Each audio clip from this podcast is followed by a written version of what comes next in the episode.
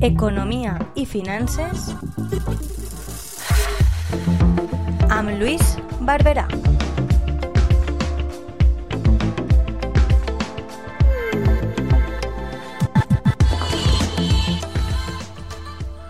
Hola de nuevo amigos y amigas de la Tuba Radio. Un mes más nos encontramos en estas ondas virtuales y en esta ocasión vamos a tratar un espinoso asunto que me habéis planteado en las diferentes redes sociales, sobre todo a nivel Messenger, que es el de las llamadas energías alternativas o renovables, también denominadas eufemísticamente energías verdes. Y digo lo de eufemísticamente porque, oh milagro del cielo, la Comisión Europea ha decidido incluir como energía verde, ríanse ustedes, a la energía nuclear. Y además será verde hasta el 2045, lo que demuestra que nosotros, pobres ignorantes, no somos capaces de discernir por qué ahora será verde y en el 2045 no. Lo cual no sé por qué me recuerda al periodo del COVID donde las mascarillas no eran necesarias. Y es que los preclaros políticos, en base a asegurar nuestra protección personal y mental, no tienen por qué explicarnos el por qué se toman estas medidas. No es que nos consideren tontos del bote, con los que vayan a perder ellos su tiempo explicándonos nada, cuando es una decisión que se toma simplemente por razones económicas, ni más ni menos. Y digo yo, eh, ¿tanto eh, cuesta explicar la verdad? En fin, Vamos a empezar definiendo qué es una energía renovable y esta es la que se obtiene a partir de fuentes naturales virtualmente inagotables, ya sea por la inmensa cantidad de energía que contienen o porque son capaces de regenerarse por medios naturales. En España las renovables ya superan el 50% de la generación de la energía que se produce, habiendo superado la eólica a la hidráulica en casi 10 puntos, y en ascenso continuo la solar, que aún sigue estando en el último lugar de estas tres.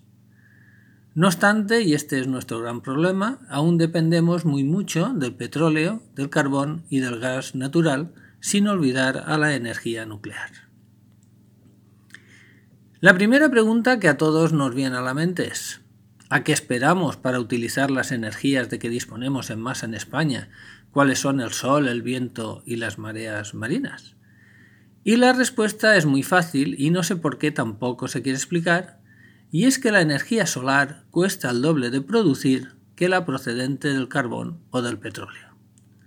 Por llegar llega a ser prácticamente el doble de la más cara de las contaminantes, que es el gas.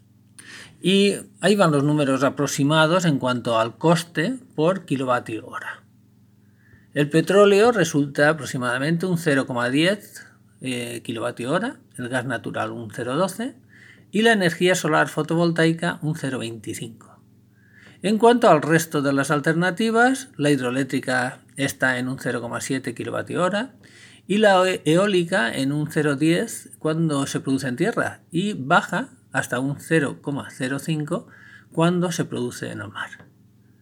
Vista así la cosa, nos produce desánimo ya que el cambio de estas, bueno, a estas energías renovables no parecen suponer una panacea en cuanto al coste que lógicamente se repercutirá sobre los clientes que somos nosotros. Pero si el llamado efecto invernadero persiste, no nos va a quedar otra que seguir apostando por las energías renovables e intentar reducir el coste de su transformación. Y en cuanto al coste que pueda suponer para nuestro bolsillo, amigos y amigas, me, remito al principio de este artículo donde he hecho mención a la inclusión de la energía atómica como energía verde por razones puramente económicas e incluso la tomadura de pelo que significó el que las mascarillas no eran necesarias, lógicamente porque no habían suficientes. Y lo mismo para el incremento del recibo de la luz que estamos padeciendo, además de una forma y misericordia. Porque ¿sabemos realmente cómo funciona el mercado eléctrico mayorista? No se nos explica y vamos a intentar hacerlo nosotros de una forma rápida y sencilla. Vamos a ver, se trata de una simple subasta en la que cada empresa productora ofrece electricidad al precio al que está dispuesto a producirla. Al mismo tiempo, las comercializadoras eléctricas ponen sobre la mesa la demanda estimada.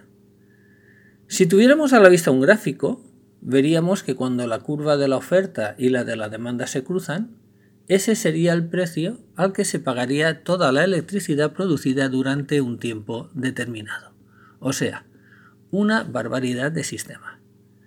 Pero eso no es todo, pues en la factura que recibimos, si nos fijamos en los diversos conceptos, uno es la cantidad que consumes, otro los peajes por el acuerdo a la red y otro el transporte de la luz desde las centrales hasta cada casa. Y son estos peajes los que nos suben estratosféricamente la factura. ¿Y sabemos por qué son tan caros? Pues porque aparte de los impuestos demasiado elevados, la misma Unión Europea saca normas como los derechos en las emisiones de CO2 que encarecen aún más las facturas por haberse predeterminado unos tiempos de cambios de uso de energías completamente irrealizables. Así que si ahora sumamos la revalorización del gas en los mercados internacionales y la subida de los derechos de emisión de CO2 por su fuerte carga fiscal con que se autopenaliza a la propia Europa, pues provocan que la subida del precio se vaya prolongando mes a mes y particularmente considero, pues no veo a nadie que vaya a proponer medidas extraordinarias, salvo parches como seguir manteniendo las centrales nucleares considerando como verde momentáneamente la energía nuclear, que el precio está condenado a seguir subiendo. Amigos y amigas, espero que os haya sido interesante este artículo y os emplazo al próximo y os recuerdo que podéis seguir mis artículos y obras en mi blog, el elvisigodeluisbarbera.blogspot.com o en Facebook e Instagram como las novelas de Luis Barbera. Así que un fuerte abrazo a todos y a todas y hasta la próxima.